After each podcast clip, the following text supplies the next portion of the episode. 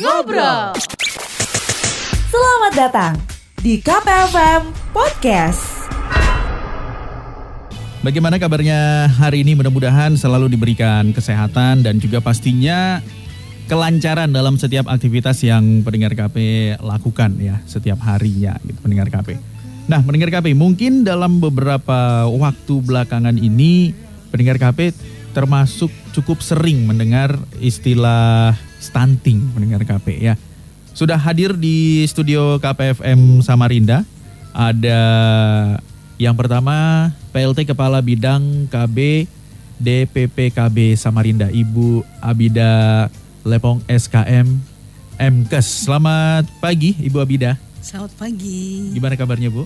Baik. Alhamdulillah. Selanjutnya juga di sini Bu Abida juga tidak sendiri pendengar KP. Hadir juga di sebelah kanan saya. Di sini ada Ibu Siti Mayasari Hamzah. Beliau selaku koordinator bidang KSPK BKKBN Provinsi Kalimantan Timur. Kita mulai dengan yang paling dasar dulu mungkin ya Bu Maya, kemudian juga ada Bu Abida. Stunting itu apa? Nah, ini yang yang jadi pertanyaan paling mendasar begitu ya, mungkin yang yang bisa dijawab mungkin silakan Bu Maya atau Bu Abida untuk eh, menjawab paling basic stunting itu apa gitu. Iya, terima kasih. Stunting itu adalah sebuah kondisi gagal pertumbuhan, ya, dan perkembangan pada balita akibat yang pertama itu adalah kekurangan asupan gizi dalam waktu yang lama.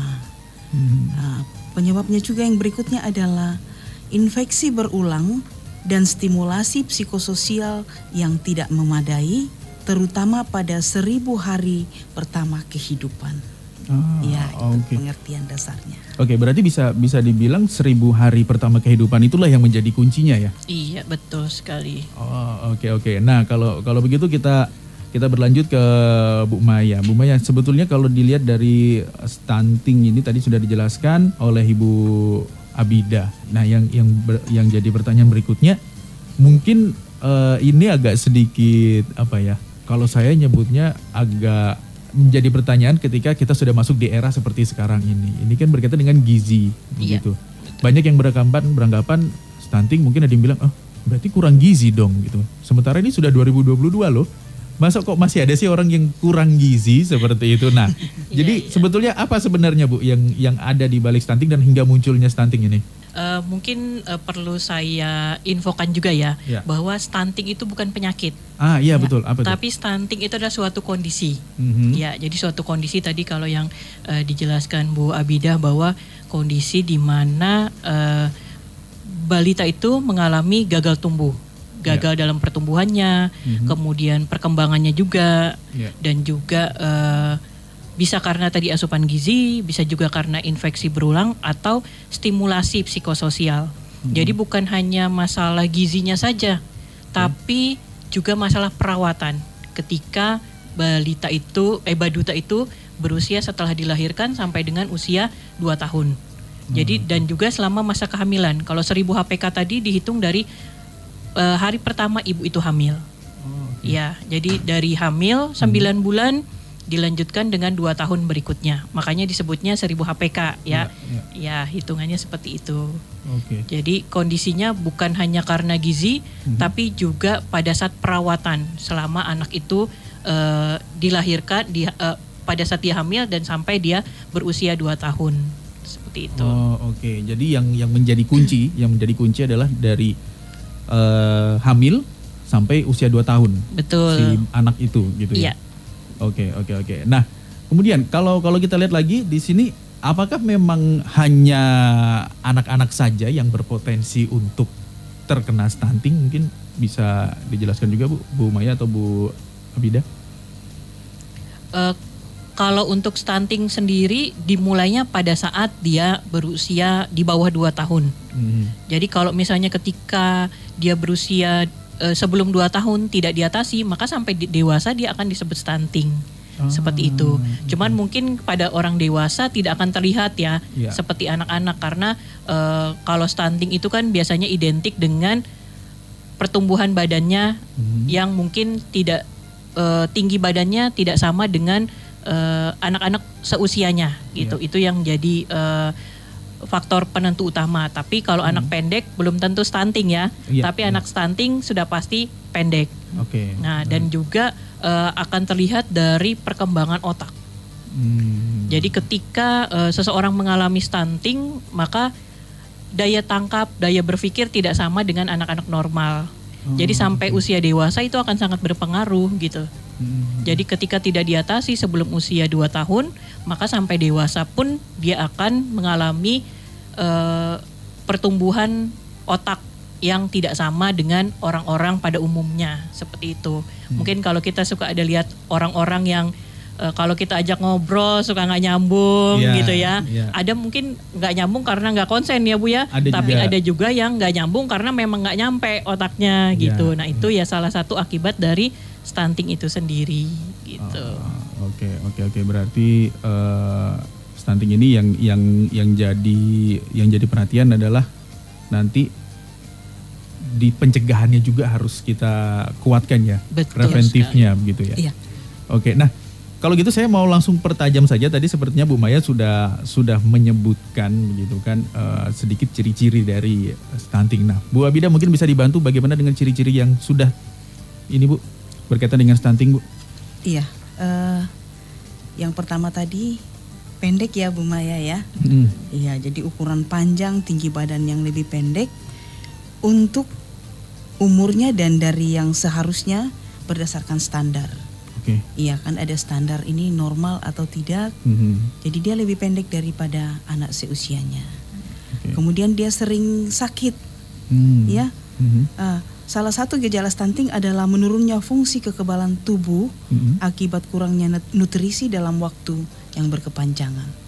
Jadi kekebalan tubuhnya juga berkurang, Mhm. sehingga dia kenapa tadi disebutkan dia eh, sering sakit. Iya.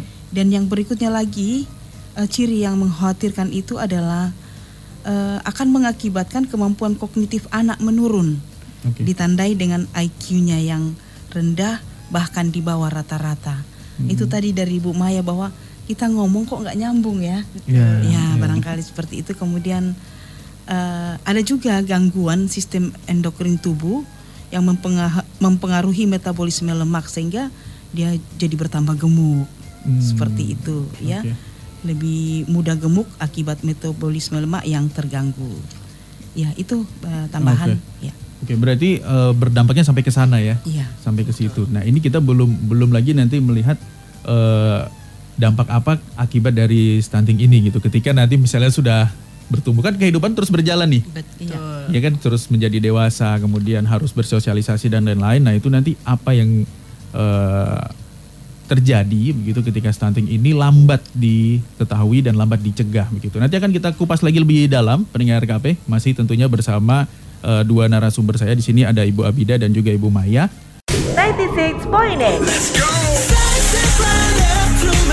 KPFM Radio. Indonesia Cegah Stunting pendengar KP. Nah, ini langsung aja kita kita masuk dan kita lanjutkan obrolan kita bersama para narasumber kita hari ini dan ternyata nambah satu pendengar KP. Ada Pak Adri, Pak Adri gimana kabarnya Pak? Alhamdulillah sehat. Sehat ya. Oke, nanti Pak Adri akan coba membantu juga menjelaskan atau eh, menginformasikan berkaitan nanti dengan pencegahan, kemudian juga atau langkah-langkah pemerintah yang sudah dipersiapkan ya Pak ya. Iya. Oke. Siap, siap. Tapi sebelumnya kita berlanjut dulu ke berikutnya. Ini kita eh, pengen tahu dulu berkaitan dengan potensi sebetulnya. Kita pengen tahu potensi Ibu Abida. Mungkin bisa dibantu Bu untuk potensi stunting di kota Samarinda. Nah ini seperti seperti apa Bu? Apakah kita termasuk yang yang dalam level tertentu begitu? Iya, ah, baik. Untuk Samarinda, kita berbicara dulu potensi ya. Mhm. Ah, yang berdasarkan pendataan keluarga tahun 2021 itu potensi untuk stunting itu adalah ibu hamil dan yang punya balita 2 tahun atau baduta. Oke. Nah, jadi untuk Samarinda yang berpotensi itu ada sebanyak 76 ribu ya berdasarkan hasil pendataan. Mhm. Nah, ini eh, pada tahun 2021 eh, kita berada pada angka 21,6 persen dan 2022 berharap itu kita bisa turun nih Iya. ya 17,99 target kita juga di tahun 2023 itu eh, di angka 14,97 dan eh, ya Sampai itu tahun 2000 sampai tahun 2024 itu Mhm. kita berharap itu turun di angka 11,96 jadi Oh, pelan turunnya jadi Iya. ah, akan ada intervensi-intervensi untuk mencapai ini Iya. barangkali gitu ya Oke, jadi target targetnya memang sudah mutlak menurunkan angka ini, Iya, gitu kan. Tinggal stunting. bagaimana caranya. Caranya. Yang begitu juga. Nah, hari ini adalah salah satu caranya ya. Dengan Iya. bersosialisasi, dengan kita Sosialisasi. ngobrol hari ini berkaitan dengan pencegahan stunting di Indonesia, pendengar KP. Iya. Karena kalau kalau kita kita bicara lagi tentang stunting tadi sudah dijelaskan angkanya sekian persen oleh Ibu Abida. Nah sebetulnya dampak ini kita yang yang pengen kita lihat lagi dampak dari stunting sebelum kita masuk ke pencegahannya. Dampak dari stunting ini sendiri kalau misalnya nanti sudah kehidupan ini berjalan hari makin eh, apa ya bertambah usia juga seperti apa ya apa yang akan terjadi biasanya oleh eh, seseorang yang sudah termasuk eh, terindikasi stunting mungkin Bu Maya. Iya, baik. Eh, kalau seseorang sudah mengalami stunting ini ya, yang pasti tadi sudah dijelaskan ya bahwa dia eh, mudah sakit. Oke. Nah, dan nanti dia juga akan eh, lebih beresiko terhadap penyakit-penyakit yang tidak menular. Mhm. Seperti misalnya diabetes, Iya. obesitas, kemudian stroke dan juga penyakit jantung. Oke. Nah, itu nanti ke depannya akan seperti itu. Mhm. Yang akibat-akibat yang akan dialami oleh seseorang ketika dia mengalami stunting. Oke. Gitu ya. Selain juga masalah tadi perkembangan eh, kognitifnya ya, Ya, betul betul. Itu yang yang berpengaruh paling- pada perkembangan kesehatan juga nanti. betul betul. Apakah ada kemungkinan untuk berpengaruh ke sosial? Kalau misalnya kita lihat ya, kalau misalnya eh, stunting ini angkanya akan terus meningkat ya, itu pastinya akan berpengaruh nanti pada pertumbuhan ekonomi. Ah, ber- pertumbuhan ekonomi kita dan juga produktivitas pada pasar kerja.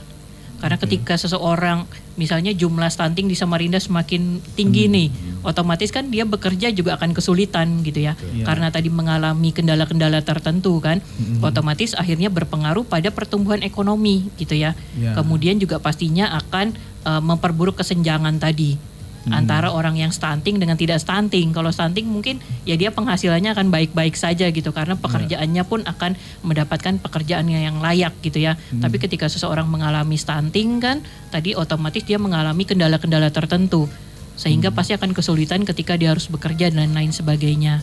Otomatis kan ya penghasilannya juga kita belum tentu tahu ya akan seperti apa ke depannya gitu. Ya, ya, ya, ya betul. Nah, ini ini mungkin tadi yang sedikit eh, terlewat yang sempat saya tanyakan di awal eh, berkaitan dengan gizi segala macam ya, karena ini ini ini kaitan utamanya adalah dengan gizi. Apakah stunting juga bisa bisa dikatakan eh, penyebabnya salah satunya adalah ekonomi? Bisa. Jadi penyebab stunting itu banyak ya, bukan Faktornya hanya ya. masalah faktor gizi saja. Ya. Bisa tadi faktor ekonomi juga, bisa juga faktor tadi apa? pengasuhan, Mhm. pengasuhan daripada orang tuanya gitu. Kemudian juga bisa karena faktor lingkungan. Oke. Faktor lingkungannya ketika dia tidak mendapatkan sanitasi yang baik, itu juga akan mempengaruhi kesehatan seseorang kan. Ya, tidak dia ya. tidak dapat akses air bersih, Oke. kemudian juga ketika dia mau eh, BAB tidak Mhm. tidak punya WC atau jamban ya Iya, kan, otomatis itu akhirnya nanti akan mempengaruhi. Jadi banyak faktor makanya untuk menangani stunting ini bukan hanya BKKBN dan DPPKB saja, Ya. tapi banyak instansi yang harus terlibat di dalamnya. Oke, PR bersama ya, tugas bersama ya. Betul Iya. sekali. Betul, tanggung betul. jawab bersama ya. Tanggung ya. jawab bersama, Iya. betul. Akan lebih ringan dan lebih cepat kalau misalnya kita kerjakan bersama. Betul. Iya, iya, itu iya. juga sesuai dengan amanat eh, apa peraturan presiden yang nomor 72 tahun Ya. 2021 tentang pena- apa penanganan percepatan penurunan stunting Mhm. atau yang lebih dikenal dengan ran pasti ya Bu ya. Ah, Nah, di situ memang keterlibatan semua Oke. elemen baik itu dari BKKBN, dinas kesehatan sampai Dinas eh, sosial, dinas sosial, dinas pangan, ya. PUPR juga ada penanganan. Jadi ada me- memang peran-peran bantu mereka terkait dengan penanganan uh, stunting. Iya, iya, iya. Nah, ini mungkin eh, karena sudah disinggung oleh Pak Adri, mungkin saya sekalian ingin ingin mempertajam lagi Pak dari yang sudah disebutkan tadi. Mungkin kalau dari masyarakat awam ya, eh, saya melihat dari sisi itu, ini kan masalah kesehatan. Bagaimana PUPR bisa terlibat begitu? Bagaimana dengan pihak-pihak lain kok bisa bisa terlibat? Apa yang yang bisa dilakukan oleh mereka gitu Pak? Jadi misalnya kita bicara pena- penanganan atau pencegahan begitu ya, Iya. Eh, ketika ada satu wilayah yang diduga oh ini potensi stuntingnya sepertinya besar begitu. Nah kemudian apa yang akan dilakukan sehingga pihak-pihak tadi yang di luar yang mungkin kita secara masyarakat awam sepertinya oh oh yang ngerjain yang yang handle ini nih ternyata iya, begitu. Nah ini bagaimana pak dengan keterlibatan pihak-pihak tersebut? Jadi gini, untuk percepatan penurunan stunting yang memang dari arahan Bapak Presiden, eh, untuk sampai ke lini bawah Mhm. pemerintah desa maupun kelurahan itu dibentuk tim, Ya. tim pendamping keluarga yang di kita kenal dengan TPK ya Bu ya. Nah, Dari hasil tim pendamping inilah kita akan menemukan masalah yang ditemukan oleh masing-masing keluarga yang ada di lingkungannya. Oke. Kalau tadi yang terkait dengan perannya PUPR, ke- kenapa mereka ikut terlibat dalam penanganan stunting, Hmm? bisa jadi di dalam pendampingan keluarga tadi, seperti yang Ibu Maya katakan, ditemukan adanya uh, keluarga yang tidak memiliki jamban Oke, atau sanitasinya sanitasinya kurang. kurang. Mm. Oleh oleh karena itu, uh, di situlah perannya uh, PUPR. PUPR. Oke. Bagaimana membangun jamban yang sehat ya Bu ya. Ya. Oke. akses air bersihnya Akses juga bersih. gitu ya. Mhm. Kemudian terkait dengan dinas sosial terlibat, ah, mungkin saja di dalam masyarakat itu ada masyarakat yang tidak memiliki akses untuk jaminan kesehatannya. Ya. Ah, bisa nanti difasilitasi oleh dinas Kesehatan. Sosial. Sosial, sorry. Ya, ya, ya. Oh, oke. Berarti akan kalau kalau saya gambarkan secara garis besarnya akan ada TPK tadi ya, Iya. tim tim pendamping keluarga. pendamping keluarga itu nanti yang akan Di desa dan memantau kelurahan. posisinya di desa dan kelurahan. Iya. Kalau di kota berarti yaitu tadi di kelurahan ya bu ya. Kita Eh, punya sorry. tim sendiri lagi. Tim sendiri Iya. lagi. Untuk di provinsi eh, ada namanya tim TPPS Iya, tingkat TPPS, provinsi. Oke. Untuk di kota juga ada namanya tim TPPS eh, tingkat kota. Oh, Yang oke. mana kalau untuk tim TPPS eh, tingkat provinsi Mhm. itu diketuai oleh wakil gubernur. Oh, Ya, Untuk jadi kota ya yang jelas wakil, wakil wali kota. Oke, yang tugasnya tupoksinya sama ya, mendampingi ya. Betul. Betul. Oke. Jadi tim TPPS itu sendiri adalah tim percepatan penurunan stunting, di mana di dalamnya terdiri dari berbagai dinas instansi yang terkait. Iya, jadi ada betul. pembagian tugasnya. Ya, Ya, jadi misalnya untuk terkait eh, masalah perubahan perilaku. nah, itu mulai dari BKKBN, kemudian ada dari eh, Diskominfo, Ya. ada dari BPMPD dan lain-lain seperti itu. Jadi Oke. setiap eh, tim punya eh, banyak sekali dinas-dinas terkait yang tergabung di dalamnya. Iya. Oke, oke, oke, oke. Baik. Nah, berarti nanti eh, tim pendamping inilah yang akan melaporkan update-nya gitu ya, baru nanti akan dilihat oh dari sisi mana nih? Oh, potensinya sepertinya di sisi eh, sanitasinya yang mungkin contohnya Iya, seperti itu, betul. berarti akan dinas-dinas terlanjut yang akan terlibat begitu ya. Oke, baik. Nah, sekarang kalau kita bicara pencegahannya gitu, pencegahannya mungkin eh, saya pengen ke Ibu Abida. Bagaimana dengan pencegahan, Ibu? Bagaimana apa yang bisa dilakukan supaya kita bisa menekan angka stunting ini? Ya, ah, baik. Pencegahan ini eh, kita mulai dari remaja. Oh, justru dari remaja. Iya. Oke, baik. Jadi dari remaja itu kita sudah harus memberikan edukasi kesehatan reproduksi, Mhm. eh, gizi dan penyiapan kehidupan berkeluarga. Itu Oke. sudah harus dimulai dari keluarga. Mhm. Nah, preventif atau pencegahan yang tingkat pertamanya itu adalah screening atau edukasi dari pendampingan catin atau calon pus pasangan usia subur. Jadi dari remaja, kemudian ketika dia calon pengantin ada lagi intervensinya, ada preventifnya. Ya. Kemudian eh, penyebab langsung daripada eh, stunting ini Mhm. ada faktor ibu, Oke. ya. Jadi eh, usianya saat hamil itu mungkin terlalu muda, Ah, itu pengaruh juga. Ya, Oke. jadi ada empat terlalu yang harus kita jaga. Hmm, apa aja bu? Terlalu muda. Mhm. Ya, untuk eh, dari kita usia perempuan menikah itu minimal 21 tahun. Oke. Kemudian perempuannya untuk ya, yang ya? perempuan, Kalau yang laki-lakinya 25 ya. Iya, yang laki-laki 25. Jadi eh, kesiapan itu sudah baik secara fisik, baik secara mentalnya untuk menikah itu sudah siap. Sehingga kalau terlalu muda melahirkan salah satu penyumbang stunting. Oke. Kemudian eh, hamil terlalu tua. Hmm. Terlalu tua pun itu eh, bisa berpotensi. Kemudian jarak antara kehamilannya itu terlalu dekat. Terlalu rapat ya. Iya, terlalu rapat dan Mhm. eh, terlalu sering juga. Ah, Iya. Oke. Jadi terlalu sering melahirkan juga itu kalau satu belum masih menyusui, lahir lagi kan kasihan nggak nyambung nih. Ya. Ya, ya, jadi betul. Gizinya belum cukup gizinya ya, ya, ya. Betul, belum cukup. Sementara Kemudian- kuncinya adalah seribu Hari, Hari- pertama Iya. pertama itu ya. Iya. Iya dan uh, mungkin ada tambahan barangkali di sini eh, termasuk di dalamnya orang tua Mhm.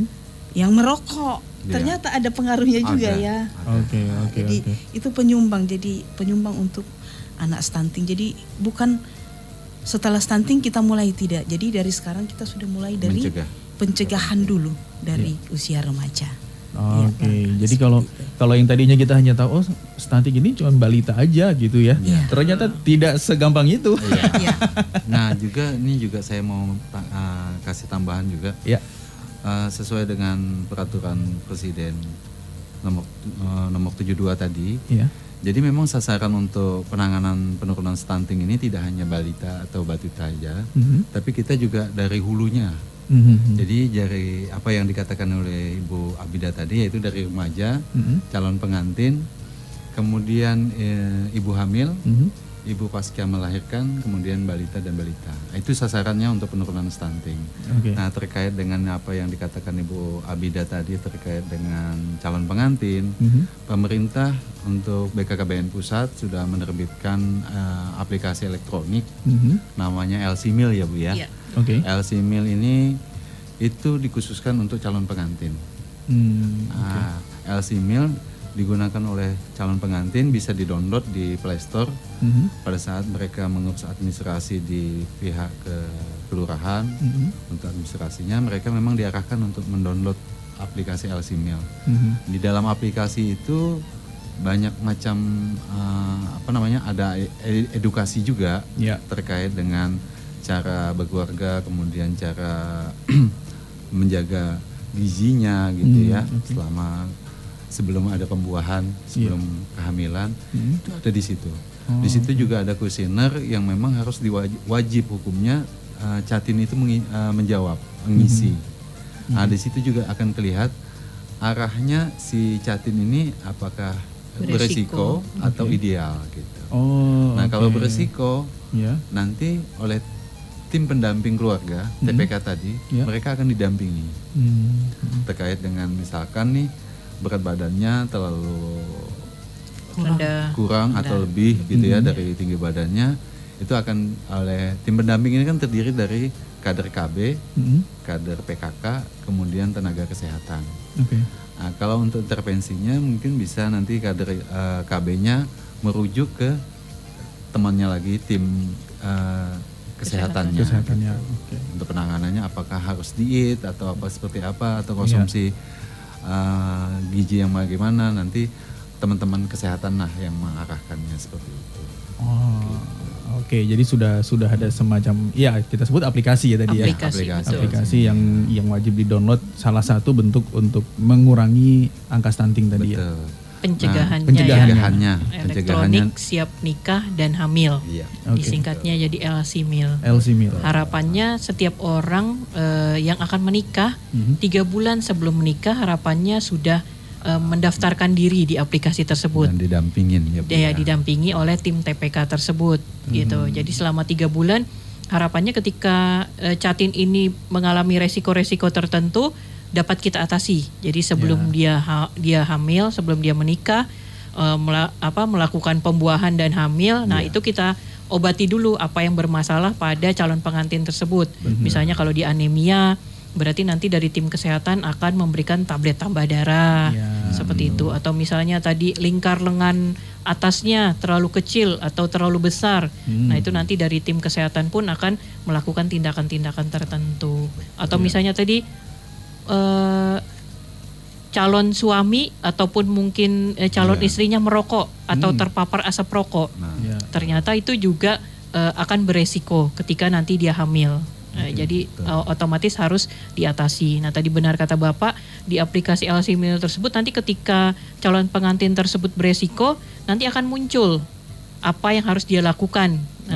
Oh, petunjuknya arahannya ada ya. Betul sekali. Jadi aplikasi ini sangat membantu untuk Ya. eh, calon-calon pengantin ketika mengalami kendala-kendala kesehatan maupun kendala lingkungan. Nah, nanti akan muncul di aplikasi tersebut apa yang harus dia eh, lakukan gitu. Nah, nanti juga akan didampingi oleh tim pendamping keluarga. Seperti itu. Oke, baik. Itu salah satu langkah ya, yang itu yang untuk dimiliki. eh, calon pengantin. Mhm. Nah, kalau terkait dengan ibu hamil dan pasca melahirkan ada lagi pomnya. Oh, nah gitu. itu memang dari tim TPK nanti yang akan uh, melaporkan atau mengisi di pom Google Pomnya namanya. Iya, iya. Nah itu juga akan di- diketahui, Dampingi ya. didampingin juga Mhm. bahwa di lingkungan dia ada nih ibu hamil atau ibu yang habis melahirkan. Iya. Nah, itu juga perlu pena- pendampingan juga Oh, terkait dengan percepatan penurunan stunting ini gitu. Baik, baik, baik. Oke, nanti akan kita lanjutkan lagi, Ya. Bapak Ibu, untuk eh, membahas tentang Indonesia cegah stunting. Pendengar KP tadi sudah cukup menarik bahwa sedikit bocoran langkah-langkah pemerintah yang sudah dilakukan, yang dipersiapkan ya. Iya. Nanti kita akan bahas kembali di segmen berikutnya, jadi pastikan Anda jangan ke mana-mana. Your number one local radio station.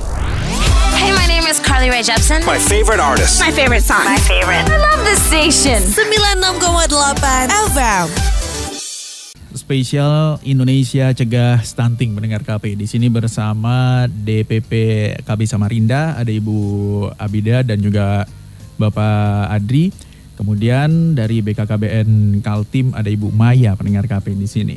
Nah, di segmen pertama dan segmen kedua tadi kita sudah membahas cukup panjang ya tentang stunting. Jadi pengertian stunting itu sendiri apa, penyebabnya, kemudian juga siapa yang berpotensi eh, terkena stunting gitu. Jadi kalau kalau di awal kan jujur mungkin saya juga termasuk salah satu oh stunting mungkin kayaknya balita deh gitu kan.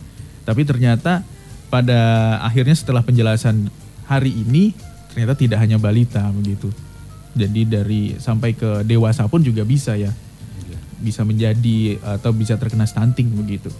Kemudian pencegahan sudah disampaikan juga. Nah, selanjutnya yang ingin kita tahu dalam rangka mencegah termasuk dalam eh, kesempatan kita hari ini adalah salah satunya adalah dalam upaya mencegah dan menekan angka stunting. Apa yang sudah dilakukan oleh pemerintah untuk eh, menekan angka ini? Apa yang sudah dilakukan? Kemudian apa yang sedang dipersiapkan bahkan karena saya yakin tantangannya pasti berbeda-beda Iya, begitu kan betul. di di setiap kota di di di setiap kota punya punya apa ya punya Strategi. strateginya masing-masing begitu. Betul. Bagaimana? Kalau untuk penanganannya untuk dari pemerintah dari pusat sampai daerah sudah jelas arahannya eh, acuannya kepada peraturan presiden nomor 72 ya tahun Ya. 2021. Di situ memang eh, ujung tombaknya kita itu penanganannya adalah di tim TPK Oh, di lini oke. lapangannya. Tim pendamping tadi itu ya? Iya, tim pendamping yang terdiri dari kader KB, Hmm, PKK dan tenaga kesehatan. Oke. Tiga tim ini eh tiga orang inilah lini lapangan kita dalam penanganan eh, Pencegahan. pencegahan eh, penurunan eh, Stunting. stunting tadi. Oke. Mereka yang akan terjun ke lapangan mengidentifikasi di masing-masing wilayahnya untuk mengetahui adakah anggota keluarga atau eh, yang terkena atau yang Berpotensi. berpotensi, Berpotensi. eh, terkait dengan stunting ini. Hmm. Nah, terkait dengan penanganannya tadi, kalau memang ada ditemukan, nanti ada tim lagi. Oke. Tim yang sudah dibentuk oleh pemerintah yaitu tim audit, Hmm. tim audit stunting yang Audit terdiri kasus dari stunting da- ya, ya, AKS, audit kasus stunting. ada. Nanti ada tim audit kasus stunting juga yang Hmm. terdiri dari uh, pakar-pakar uh, kalau Tim di pakar. kesehatan bisa jadi kita melibatkan uh, spesialis kandungan, Oke. kemudian spesialis anak juga Spesialis kita akan gizi, uh, bagian gizi juga Iya. itu akan jadi eh, masuk di dalam tim pakar tadi di Hmm. dalam kasus uh, audit stunting. Iya. Jadi apa yang ditemukan oleh teman-teman di lini lapangan Mhm. tim TPK tadi nanti akan akan diaudit oleh pakar-pakar ini Iya. dan di situ a- nanti akan keluar rekomendasi. Mhm. Uh, rekomendasinya tindakannya apa nih? Iya. Kalau terkait dengan gizi nah, nanti bagian gizinya nanti yang Bertindak. bertindak. Oke, Seperti itu. oke. Kalau terkait dengan pertumbuhan perkembangan anaknya, mungkin spesialis anaknya nanti yang akan memberikan rekomendasi apa nih yang harus dilakukan Ya. si keluarga ini gitu. Seperti itu. Oke, berarti bisa dibilang BKKBN Kaltim dan juga DPPKB ini untuk bidang preventifnya ya. Iya. Untuk pencegahannya, sementara nanti untuk tindak lanjutnya adalah ada bidang-bidang tertentu yang disebutkan tadi. Iya. Fasilitas Dinas-dinas kesehatan. terkait Ya, ya. dinas terkait OPD misalnya dinas kesehatan. Mhm. Nah, kalau misalnya ada ditemukan kalau di peraturan itu kan memang di dinas kesehatan itu atau Kementerian Kesehatan itu lebih kepada tindakan yang sensitif eh, spesifik ya Bu ya. Ya. Artinya apakah bayi balita ini perlu pemberian tambahan susu ASI gitu ya. Ya. Pemberian apa namanya PMT ya Bu ya, PMT ASI. Mhm. Kemudian apakah eh, Makanan tambahan. makan tambahan, Mhm. kemudian apakah dia perlu vitamin A, eh, vitamin tambah darah. Ya. Nah itu yang akan dilakukan oleh teman-teman kesehatan. gitu. Oke, oke. Memang di kesehatan itu yang saya tahu juga mereka dari remaja itu setiap sekolah, Mhm. baik itu SMP maupun SMA, tim-tim eh, di puskesmas itu mereka akan membagikan eh, tablet tambah darah ke Mhm. siswinya Oh, oke. terutama yang putri ya. Kalau Iya. yang putra tidak tidak, Tidak dapat terlalu. tambah darah. Oke. Itu sampai SMA. Hmm. Mereka akan ada pembinaan ke sekolah-sekolah memberikan tab- tablet tambah darah yang saya ketahui itu ya. Iya. Itu iya, juga oke. salah satu uh, pencegahan juga ya Bu ya Hmm. terkait dengan uh, penanganan stunting ini. Oke, oke, baik. Iya, jadi bisa dibilang langkah-langkah sudah dipersiapkan oleh pemerintah, gitu Iya. kan. Tinggal nanti bagaimana pelaksanaannya dan kita juga sebagai masyarakat mensupport untuk langkah-langkah tersebut atau program tersebut bisa berjalan dengan baik, begitu ya. Harus Betul. disupport Harus. oleh masyarakat. Harus. Nah, gitu kan tadi karena ini kembali kita ingatkan nih karena Bu Maya eh, tadi sudah di awal juga menjelaskan kita harus mensupport peran masyarakat juga sekarang tinggal tinggal peran masyarakat nih harus Iya. mensupport supaya ini bisa berjalan dengan baik, program ini bisa bisa sukses. Kita mungkin eh, coba kembali mengingatkan masyarakat apa dampak yang akan terjadi kalau misalnya stunting ini tidak ditangani dengan baik dan masyarakat tidak mensupport. Apa kira-kira stunting eh, dampak dari stunting yang bisa terjadi begitu khususnya. Yang jelas kan kalau dilihat Tadi dari ekonomi sumber bisa juga iya, ya. Dari sumber daya manusianya yang tidak unggul, se- sebenarnya untuk penanganan stunting ini kan kita untuk menciptakan sumber daya manusia yang unggul ya. Ya, Nah, tujuannya kalau yang di sana. Tidak, ya, kalau tidak unggul otomatis ya bagaimana negara kita ini kan Ke depannya. begitu, ke depannya. Ya, ya. Ketahanan keluarga ya, Ya.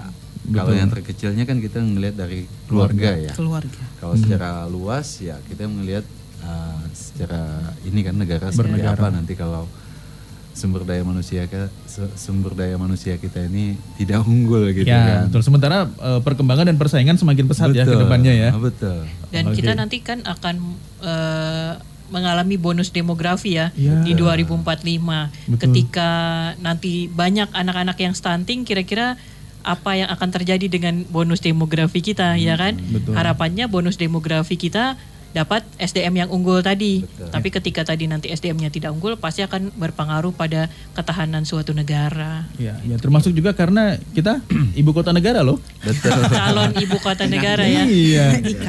itu itu ada kaitannya juga pastinya, Betul. ya kan? Oke. Nah, sekarang eh, saya pengen ke Ibu Abida lagi. Bagaimana dengan dengan mungkin kembali diingatkan lagi Bu Abida untuk Iya. pencegahan apa yang bisa dilakukan oleh masyarakat untuk mencegah stunting? Iya, eh, seperti tadi kita ingatkan kembali bahwa persi- persiapkan kehidupan berkeluarga itu dari remaja. Mhm. Ya, jadi mulai dari remaja kita sudah persiapkan, eh, kemudian pada saat mereka jadi calon pengantin Mhm. sudah disiapkan sampai menjadi ibu hamil. Nah khusus buat eh, calon pengantin ini minimal umur 21 tahun untuk eh, Perempuan. perempuan Hmm. dan 25, untuk laki-laki. Ya. Berharap dengan umur itu kan mereka sudah selesai kuliah nih. Ya, Ya, yang laki-laki Sudah 25 tahun kerja. sudah bisa bekerja mapan. ya. Nah, sehingga jangan sampai karena terlalu muda Mhm. baru tamat SMP mungkin atau SMA menikah persoalan baru timbul hanya karena mau beli semangkok bakso aja berebut nih karena nggak ada penghasilan kan gitu ya. Iya. Nah kalau dari orang tuanya yang sudah persiapan yang unggul gimana lagi nih bagaimana menciptakan generasi unggul kalau seperti itu Hmm. ya belum mapan secara finansial ya untuk menikah membiayai keluarga Iya. ya jadi itu sehingga ada batasan-batasan Mhm. eh, umurnya minimal deh Ya. itu sekolah dulu Oke. Iya. Untuk mempersiapkan diri dan mental persiapkan tadi ya. diri iya Oke, baik. Terima kasih Bu Abida, kemudian Bu Maya, termasuk juga Pak Adri sudah hadir hari ini. Kita sudah Boleh, boleh usul Oh, juga. ada tambahan lagi? Iya. Silakan. Eh, untuk remaja tadi yang dikatakan oleh Ibu Abida, Ya. eh, kami juga dari DPPKB mengharapkan nih, Hmm. selama ini kan kita ada pembinaan nih untuk remaja, Ya. tapi eh, yang sering kita dampingin itu adalah eh, mereka yang dari kalangan pendidikan. Oke. Harapan kami itu ada nih dari kalangan masyarakat. Hmm. Jadi kalau masyarakat nih memiliki ada remaja di komunitasnya banyak remaja, Ya. monggo nanti eh, mungkin kalau di sana tidak ada kader KB-nya mungkin bisa datangi ke petugas lini lapangan kami PLKB maupun PKB kami yang ada sel- eh, selalu ada di kecamatan Bu ya Oke. Untuk dibentuk eh, kelompok remaja Oh. kelompok PIK-nya ya. PIK-nya Iya, iya. Informasi karena dalam kelompok itu mereka ada- pasti ada, ada keuntungan ya Mhm. yang jelas ada peningkatan pengetahuan terkait dengan kesehatan reproduksinya kemudian ada juga kegiatan-kegiatan yang memang memang di usianya mereka gitu Iya. gitu Mhm. Makanya kemarin itu juga kita baru melaksanakan pemilihan duta genre ya bu ya Oh iya. Duta nah duta genre itu kan generasi muda yang berencana Betul. masih berencana mereka juga punya tiga misi Mhm. ya memang misinya pertama yaitu ya tidak seks bebas Ya. kemudian ti- no ah, Tidak nikah tidak dini. nikah dini kemudian tidak menggunakan narkoba Oh, Oke. Ya, ya, ya. Itu salah satu yang dilakukan Ah, juga ya sampai ya. ke lini anak mudanya lah ya. anak, muda. makanya kami berharap nih ada dari masyarakat kalangan masyarakat yang memang di komunitasnya ada banyak remaja gitu kan Iya, iya. oke iya. kita bi- ah, buat ah, kelompok lah gitu ya Iya. bisa nanti menghubungin teman-teman PKB kami di setiap kecamatan ada PKB maupun PLKB kan. Oke, berarti ada di sekitar eh, puskesmas Di- ter- terdekat atau bagaimana? ada balai di balai di Oh, per Ada kecamatan. balai, Jadi 10 kecamatan. kecamatan yang ada di Samarinda ini kita punya balai. Balai Oh, penyuluhan. Balai penyuluhan. Oke, Balai jadi tinggal datang ke sana, Ah, nanti akan dibantu begitu Iya, ya. akan difasilitasi nanti seperti apa kegiatannya kita akan sosialisasi seperti seperti itu. Oke, baik. Terima kasih Pak Ya, Adri. Terima sama-sama. kasih sekali lagi Bu Abida dan Bu Maya sudah hadir hari ini dan mudah-mudahan kita dipertemukan lagi di kesempatan lain dengan eh, info yang juga tidak kalah menarik ya. Misalnya stuntingnya sudah sekian nih, angkanya sudah menurun. Nah, itu yang akan kita tunggu lagi update terbarunya berkaitan dengan Indonesia cegah stunting. Terima kasih sudah dengerin Ngobrol KPFM Podcast. See you!